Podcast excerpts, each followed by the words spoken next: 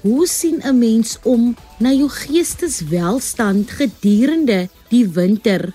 Seisonale depressie of seisonale affektiewe verstoring hou verband met seisonale verandering. Dit is meer algemeen onder vroue en individue wat in die noorde woon waar dagligure in die winter korter is. Oor die algemeen begin depressiewe simptome in die laat herfs en vroeë winter en verdwyn dan gedurende die lente en somer. Minder dikwels gebeur episodes van depressie in die lente of vroeë somer.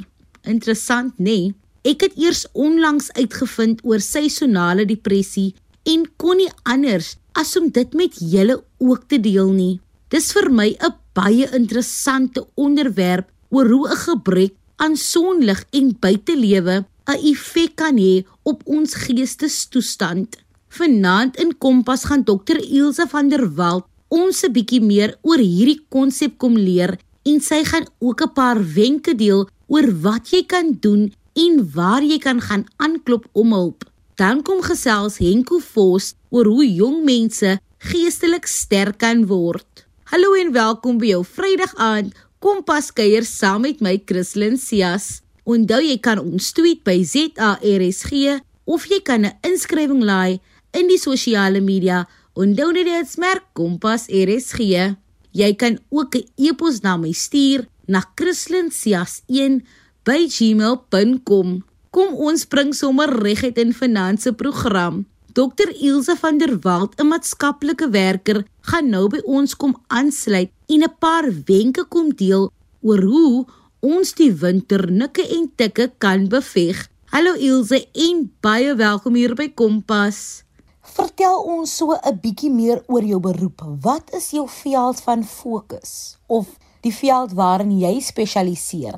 Ek is Ilse van der Walt en ek is 'n maatskaplike werker wat werksaam is in die gesondheidsveld spesifiek vir die afgelope 33 jaar in geestesgesondheid. My meestersgraad het gehandel oor die benutting van diere om die maatskaplike funksionering van psigogeriatriese pasiënte te verbeter. En vir my doktorsgraad het ek 'n program ontwikkel vir die familie van bipolêre pasiënte.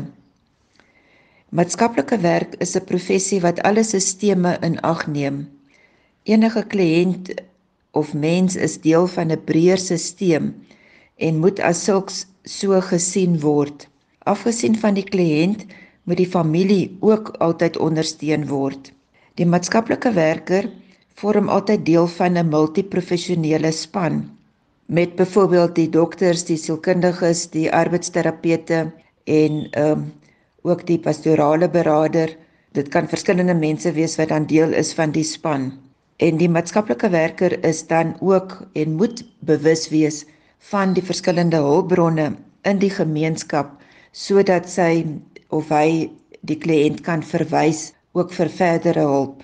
Maatskaplike werk het verskillende metodes wat ons aanwend naamlik gevallewerk, groepwerk, gemeenskapswerk, dan ook administrasie en navorsing. Dankie vir die deel. Wat sou jy sê is die mees belangrike aspekte waaroor 'n maatskaplike werker moet beskik? Dit is belangrik dat 'n maatskaplike werker moet passie hê vir sy of haar werk. Deursettingsvermoë en geduld is ook belangrik. Eerlikheid, hoë etiese waardes, toewyding en dan ook ervaring is ook baie belangrik. Die vlak van kennis is belangrik asook verskillende vaardighede en die maatskaplike werker moet ook die regte houding hê ten opsigte van sy of haar werk. Die maatskaplike werker moet nie veroordelend wees nie, moet betroubaar wees en veerkragtig, maar ook realisties want dit is 'n uitdagende beroep. Dis nou lekker gesê. Hoe belangrik is dit om na 'n mens se geestesgesondheid te kyk? In die verlede is baie aandag geplaas op fisiese gesondheid en siektetoestande. Geestesgesondheid is histories afgeskeep, selfs met befondsing beskikbaar. 'n Hoë persentasie mense sukkel met 'n lae gemoedstoestand, depressie en angstigheid. Sulke geestesgesondheidskwessies het 'n groot impak nie net op die individu, hulle kwaliteit van lewe, hoe suksesvol hulle in hulle studies of werk is, hulle produktiwiteit, hulle interpersoonlike verhoudings nie, maar dit kring ook uit na hulle families, die samelewing en ekonomie. Byvoorbeeld, kyk na wat dit besighede en maatskappye kos wanneer 'n werknemer afgeboek word as gevolg van depressie of trauma of wanneer 'n werknemer se produktiwiteit afneem as gevolg van 'n angsversteuring. Ons kan ook onsself vra wat is geestesgesondheid? Dit is wanneer 'n persoon sy eie vermoëns besef, kan funksioneer te midde van normale stres van die lewe, produktief kan werk en 'n bydrae tot sy of haar gemeenskap kan maak. Dit behels fisiese welsyn, geesteswelsyn en ook sosiale welsyn. Dit is verder baie belangrik dat elke individu verantwoordelikheid vir sy eie geestesgesondheid sal neem. Ilse party mense sal sê dis makliker gesê as gedaan. Hoe doen 'n mens dit? Dit is belangrik om te kyk na hoe ons ons tyd bestee. Ons moet balans handhaaf tussen akademie, werk, familietyd en ontspanning. Ons moet ook kan grense stel by ons werk en om te kan ontspan by die huis, tyd te maak om genoeg te slaap, gesond te eet, te oefen, ontspannende aktiwiteite te doen soos stokperdjies te beoefen, te lees, kuns te beoefen, te mediteer en byvoorbeeld ook na musiek te luister. Dit is belangrik om nie jouself te verkleineer of perfek te probeer wees nie breek probleme op in hanteerbare dele. Dit is ook belangrik om jouself te ken en ook jou familiegeskiedenis as daar miskien 'n geskiedenis is van een of ander psigiatriese toestand. Wat belangrik is verder is om jouself te bemagtig met kennis en so gou as moontlik hulp te kry as daar miskien enige rooi ligte flikker. Dit is baie maklik om jouself met ander te vergelyk en dit kan dikwels lei tot depressie en angs. Hoe sou jy sê kan 'n mens dit vermy? Ons elkeen is anders en uniek. Ons is verskillend in genetiese samestelling, familiegeskiedenis, ervarings en traumas. Dit beteken dat ons veerkragtigheid en vermoë om stres, konflik ensovoorts te hanteer van mekaar verskil.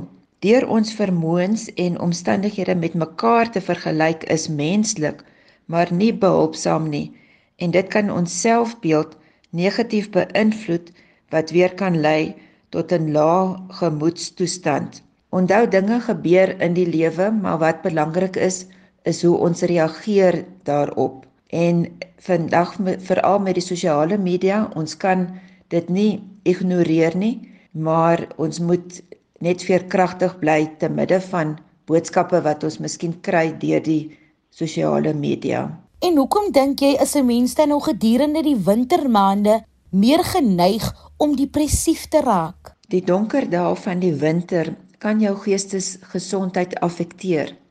Daar is 'n verband tussen jou gemoed en die hoeveelheid lig wat jy gedurende die dag kry. Ons praat van seasonal affective disorder of seisonale gemoedstoring en dit kom veral algemeen in die noordelike halfrond voor. Depressie van seisonale gemoedstoring hou verband met die lengte van die dag en die hoeveelheid en intensiteit van lig waaraan die leier blootgestel word. Hierdie verskynsel is reeds in die 1980s beskryf en dit hou dan verband met die verandering van seisoene veral met die verandering van herfs na winter. Dit word ook gekenmerk deur 'n verhoogde eetlus veral vir koolhidrate sowel as hipersomnia. Dit beteken 'n persoon gaan te veel slaap. Fisiologies verstaan ons dit nog nie heeltemal nie, maar daar is verskeie hipoteses wat beteken verskeie moontlike oorsake dat as gevolg van die korter dae en die langer nagte is daar korter blootstelling aan lig en die verandering of die vertraging in die sirkadiese ritme. Dit is ons ritme soos ons gaan slaap. Daar's ook minder Vitamiene D produksie en genetiese faktore kan ook moontlike bydraend wees tot hierdie tot hierdie verstoring. Dit is dus belangrik om blootstelling aan lig te kry. Selfs om net by die venster ook te sit kan help. En dan is daar ook die metode van ligterapie om voor 'n baie helder lig te sit wat ook gebruik kan word in die behandeling. Dit bly egter altyd gesond, ag belangrik om gesond te eet en aktief te bly. Sjoe. Hoe belangrik is 'n positiewe ingesteldheid? Depressie is 'n siekte en 'n mens moet onthou jy kan nie jouself regruk nie. Almal benodig ondersteuning en ook veral gedurende moeilike tye. As 'n mens reeds geneig is tot depressie of angs, is daar dan ook 'n groter impak op 'n persoon wanneer sekere goed gebeur in die lewe.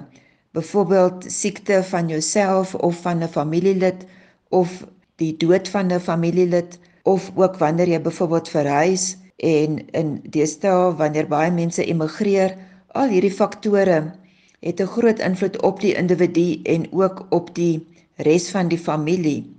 Maar soos reeds gesê, is dit altyd belangrik wat is jou reaksie op wat gebeur? En 'n mens moet dan onthou dat 'n positiewe ingesteldheid is nie altyd maklik nie, veral as 'n mens geneig is ook om tot tot depressie en geneig is om meer negatief en pessimisties te wees. Party mense se persoonlikhede is ook meer kwesbaar en hulle is meer sensitief. Psigoterapie kan wel help om hierdie negatiewe gedagteprosesse aan te spreek en help om 'n meer positiewe, meer realistiese ingesteldheid te hê en dit kan dan weer 'n impak hê op ons gevoelens en ons gedrag. Op die einde bly dit net baie belangrik om bewus te wees van jou gemoed en hulp te verkry wanneer dit nodig is. Baie baie dankie Ilse vir daardie waardevolle inligting en raad. Wanneer jy sukkel, moet jy uitreik en na hulp gaan soek. Jou geesteswelstand is net so belangrik soos jou fisiese gesondheid. Indien jy pas ingeskakel het, welkom by Vanaand se aflewering van Kompas. Sukkel jy met geestelike groei? Hoekom of hoekom nie? Deel dit saam met ons. Tweet ons by ZARSG of jy kan 'n SMS stuur na 45889 teen R1.50 per SMS. Enko Fos van Krebega werk baie nou saam met ander jong mense om hulle geestelik te laat groei en hulle geloof te versterk. Henko kom deel nou 'n bietjie meer hieroor. Hallo Henko. Dink jy jong mense slaan genoeg ag op hulle geestelike gesondheid? Hoekom of hoekom nie? Nee, ek dink nie jong mense gee genoeg aandag aan hulle geestelike kant nie en ek glo dit is as gevolg van die feit dat jong mense voel dat hulle kan niks oorkom nie. Jy het nog 'n hele lewe voor jou. Jy's vol energie, vol hoop en op die einde van die dag is die geestelike kant meer ernstig vir jong mense en hulle wil nie noodwendig al op jong jong ouderdom aandag gee aan ernstige goed nie. Ons sien dit maar in hoe jong mense hulle self verdra ook weet in die wêreld en so. En ek dink dit is maar die grootste ding wat hulle terughou is hulle voel weet miskien om aan die geestelike kant te dink is meer van 'n groot mens ding waar jy wil aandag gee aan jou inner self en nie net jou buitelike self nie. Henko, wat dink jy, wat is belangrik om te onthou wanneer 'n mens aktief werksaam is met individue wat sukkel met hul geestelike gesondheid? Meeste jong mense sukkel met hulle geestesgesondheid omdat ek dink hulle voel hulle moet 'n perfekte lewe lei. Hulle moet uh, perfek wees voordat hulle na die Here toe kan kom hulle moet perfek wees terwyl hulle met die Here loop en dit is nie waar nie. As ons kyk na die Here en hoe Jesus die disippels ge gekry het, kan mens sien dat weet hy het hulle gevat waar hulle was en dit is presies dieselfde met weet ons as jong mense. Baie jong mense het al baie foute gemaak. Ons weet dit, maar dit beteken nie dat jy jouself hoef reg te kry of reg te ruk voordat jy na die Here toe kan kom nie. En uh ja, dit is baie keer die antwoord wat ek kry by jong mense is nee, ek ek moet net eers aan myself werk voordat ek kan kerk toe kom of voordat ek na 'n groep toe kan kom. maar dit is die teenoorgestelde. Dit is waar jy juis die Here gaan ontmoet en dit is waar jy aan jouself kan werk onder sy leiding. En uit persoonlike ervaring, wat sou jy sê waarmee sukkel jong mense die meeste? Uit my ondervinding sou ek sê die ding waarmee jong mense die meeste sukkel is identiteit. Daar's definitief 'n wêreldwye identiteitskrisis en as ons kyk na lande soos Amerika, dan kan ons sien met wat daar aangaan hoekom jong mense sukkel met hulle identiteit. Daar is allerlei eh, stemme wat vir mense, veral jong mense probeer sê wie hulle moet wees en allerlei goed wat hulle kan wees en dit mors heeltemal met die selfbeeld en die identiteit van jong mense. En dit is dan nou wat veroorsaak dat jong mense na hulle self kyk as hulle na hulle self kyk en dan weet hulle nie wat hulle moet sien nie. En party of meestal vir my selfs om na hulle self te kyk en selfs eers te wonder maar wie is ek en waarvoor het die Here my gemaak? Hoekom is ek hier op aarde? Wat is my wat is my doel hierson? Dis goed gestel. Wat kan 'n mens doen wanneer jy bekommerd is oor jou geestelike gesondheid? Hoe kom 'n mens weer op 'n plek waar jy geestelik gesond is? As jy bekommerd is oor jou geestesgesondheid, dink ek die beste ding wat jy kan doen is om uit te reik na 'n klein groep toe of 'n kerk toe of selfs 'n familielid of vriend wat reeds deel is van so 'n groep of gemeenskap en jy het saam met hulle te bou en saam met hulle die lewe aan te pak. Die beste ding wat jy kan doen is om jouself uit isolasie uit te haal en saam met 'n groep mense saam te span en die lewe so aan te vat. Jy het soek vir jou 'n goeie leier. Dit is ongelooflik belangrik om er, om onder goeie leierskap te sit. Jy het soek 'n 'n dominee of 'n pastoor of 'n klein groep leier wat jy kan sien sterk is en goed saam met die Here loop en volg hulle, laat hulle laat hulle toe om jou te leer en saam met jou die pad te stap. Ek hoor jou. En hoe kan vriende en familie iemand ondersteun wie 'n bietjie sukkel? Die belangrikste wat 'n familielid of 'n vriend kan doen wanneer hulle sit met iemand wat dalk sukkel met hulle geestesgesondheid of hulle gesteldheid of so is om net aan te hou, hulle aan te moedig om deel te word van 'n kerk, 'n gemeenskap. Die beste ding wat jy kan doen is om jouself uit isolasie uit te haal en baie keer is dit moeilik om dit self reg te kry en mens kort 'n vriend of 'n familielid om jou te help daarmee. Ek self uh toe ek nog op skool was, het dis nou net voordat ek gered was, het 'n vriendin my genooi seker vir 2 omtrent 3 maande waar ek die hele tyd nee gesê het en totdat ek die een keer ja gesê het en ek gegaan het en tot bekering gekom het nou is dit jy weet hoeveel laat jare later en ek het nog nooit teruggekyk nie alles oor daai een vriend uitgereik het en nie opgegee het om my aan te moedig nie Ja nee, kyk, ek sê altyd ondersteuning van familie en vriende is baie belangrik. Dis die fondasie waarop 'n mens 'n stewige huis kan bou. Hoe bly 'n mens sterk en geestelik gesond? Ek dink daar's 'n hele paar maniere hoe mens geestelik sterk kan word en sterk bly. Ek dink die heel belangrikste is natuurlik om tyd saam met die Here te spandeer. In jou stilte tyd deur om kerk toe te gaan, na 'n klein groep toe te gaan, ehm um, saam met ander gelowiges te loop en saam met hulle die lewe te stap. Dit is ongelooflik belangrik om onder goeie leierskap te wees. Mense sien dit reg deur die Bybel. Vind 'n goeie leier want dis in die tye wanneer jy voel, nie voel jy wil jy weet aanstap of aangaan en en daai tye nie wanneer die leier jou uit dit uitbring en dit is hoe jy sterk bly is wanneer jy ehm um, jy weet vertroue het in die Here maar ook ander mense rondom jou het wat ehm um, verantwoordelikheid neem vir jou en wat uitgaan reik na jou toe. Baie keer voel mens nie so sterk soos wat mens graag wil wees nie of wil voel nie en dit is baie keer in daai tye wanneer mense na ons uitreik en ons help om deur moeilike tye te kom.